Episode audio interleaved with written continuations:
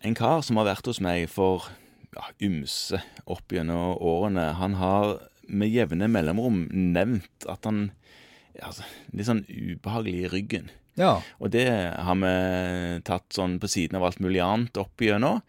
Og så det siste året, halvannet, så har, det liksom, har han sagt at nå begynner det å plage meg mer denne ryggen. Jeg, det er kanskje ikke så vondt når jeg våkner om morgenen når jeg sitter, men når jeg har gått litt, grann, så begynner jeg å kjenne det særlig vondt hvis jeg går i trapper. Verre når jeg går ned trappene, faktisk, enn Ja. opp trappene. Og Mhm.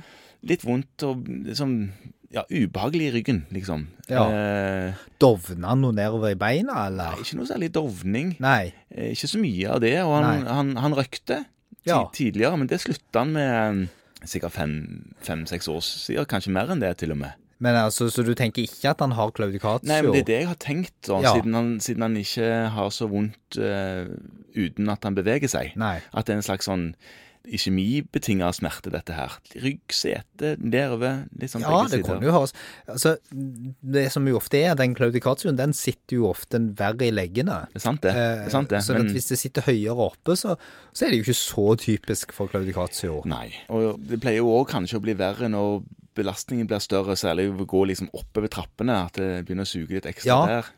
Så, så det er jo heller ikke typisk. Nei, det er ikke det. Nei, Men fant, han- du, fant du ut av dette her, eller? Han ville jo ha et MR, fordi han var jo engstelig for at det var noe galt i ryggen. Ja, dette er vel et av de tilfellene der det kanskje er fornuftig av pasienten å be om MR, er det ikke det? Det føltes ikke som en sånn vill bestilling, nei. Nei, og her tror jeg nok du kan ta både CT og MR og egentlig komme til målet langt på vei. Ja. Eh, Begge modaliteter vil kunne vise det, for her beskriver du et tilfelle av noe som er langsomt progredierende. Ja. Ikke typisk for en sånt prolaps, som ofte har et mye mer Nei, nei, nei. akutt. Jeg hadde ikke noen Forløp? følelse av Nei. eh, det, nei. Eh, og så var det jo en godt voksen mann, dette Ja, her. Det var det. Ja, og da skal man jo alltid, i tillegg til å ta et sånt bilde, så må man jo alltid tenke et, et vanlig røntgen av lumbalkolumna. For eh, eh, det er slik at mange av disse kan ha svulster. Det går an. Ja, eh, og det er veldig billig, enkelt og fort gjort å utelukke det Mm. med et vanlig røntgen også. Eh, Særlig hvis du har tenkt å ta MR av et lite område, så kan du godt ta et røntgen av eh, kolumna, bare for å se etter det på disse langsomt snikende. Men jeg har en mistanke om at det du har mistanke om, er en spinal stenose i dette tilfellet. Det er det jeg har mistanke om. Ja. Og en en spinal stenose betyr jo det det sier, at det er trangt. Ja. Ja, og Det er en tilstand som kommer med økende alder. Han er her var slutten av 60-årene et Slutten av sted. 60-årene. Han var pensjonist, og vi tok dette MR-et til Ja. slutt, da. Og den viste degenerative forandringer. Ja, og at det var trangt. Og så viste han at det var trangt. Ja. Og nå er du inne på to ting som er veldig viktige her. fordi at Spinal stenose er ingen veldig sjelden tilstand. altså Det kommer litt an på, og det er vanskelig å si, og det øker med alder sånn, som tilstand. Men sånn, si at en 3-5 litt mer i de eldste aldersgruppene, Ja. har det, så er det noe vi treffer i praksisen vår. Mm. Det du alltid vil treffe, er degenerative forandringer. Spesielt på en mann, kanskje. Ja, altså, det er gjort eh, helt sånn epidemiologiske vurderinger av det der, som viser at kanskje så mye som, som 80 av kvinner og 95 av menn over 65 vil ha degenerative forandringer i lumbalkolumna, hvis du bare tar bilde av de.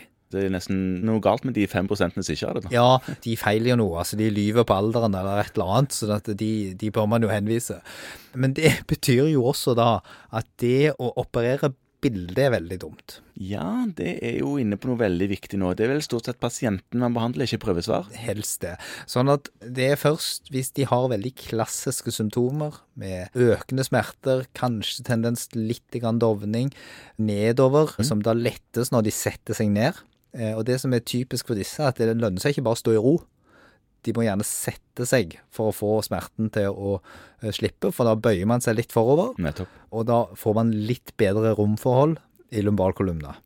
Eh, Mange av de har sånn klassisk sett så har de det jo mye bedre på sykkel. Ja, de har det. For da sitter de også litt foroverbøyd, og da kan de ofte de kan sykle uendelige distanser, men de kan altså ikke gå eller løpe det samme. Nei, Og en med klaukatio kan ikke sykle uendelige distanser. En med klaudikatio vil ha store problemer med å sykle uendelige distanser. Da vil det utvikle seg. Så det er en sånn ting man kan spørre om. Og det er først når du har fått fram disse symptomene, at du bør ta det bildet. For driver man ellers på og tar litt sånn for sikkerhets skyld MR-bilder, eller CT-bilder for den saks skyld, av godt voksne menn og kvinner, så finner man mye. Ja. Og det er noe vi vet, at en del blir jo ikke helt god når det blir operert. Nei, det skjer det, ja. Eh, Og betydelig klokere hoder enn oss har jo fundert over om dette kan ha noe med at det er så vanlig med forandringer at man da opererer noen der det var en annen årsak til plagene Enn det som kom fram på bildet. enn det som kom fram på bildet. Det bare stemte så forbaska godt, så de prøvde. Ja. Og det er fair nok, det. Men det er helt rimelig å være litt edruelig med om dette har noe for seg eller ikke. Mm. Det er jo, har jeg hørt, veldig lurt når du henviser noen til radiologiske undersøkelser, å ha et spørsmål i henvisningen. Ja, det er ikke bare veldig lurt, det er egentlig helt påkrevd. Du skal ikke henvise noen som du ikke lurer på et eller annet spesifikt. Nei, det er nå greit nok, men det er lurt å være helt tydelig på det spørsmålet du lurer på. Veldig tydelig på det du lurer på. Og radiologer er flinke folk, sånn at de svarer på det du spør om. Og de gir deg en mye bedre beskrivelse av bildet hvis du har en klar problemstilling for radiologen. Ja. Og du vet, en radiolog vil jo kunne si nå at pga. så gode bildemodaliteter som etter hvert kommer på apparatene, så har de til gode å se et normalt bilde. Ja, det Der er alltid noe det galt. er alltid noe galt, men det- det gale er jo ikke nødvendigvis noe som er symptomgivende eller sykdomsgivende. Nettopp. Det kan være noe som er avvikende, men allikevel helt uproblematisk å leve med.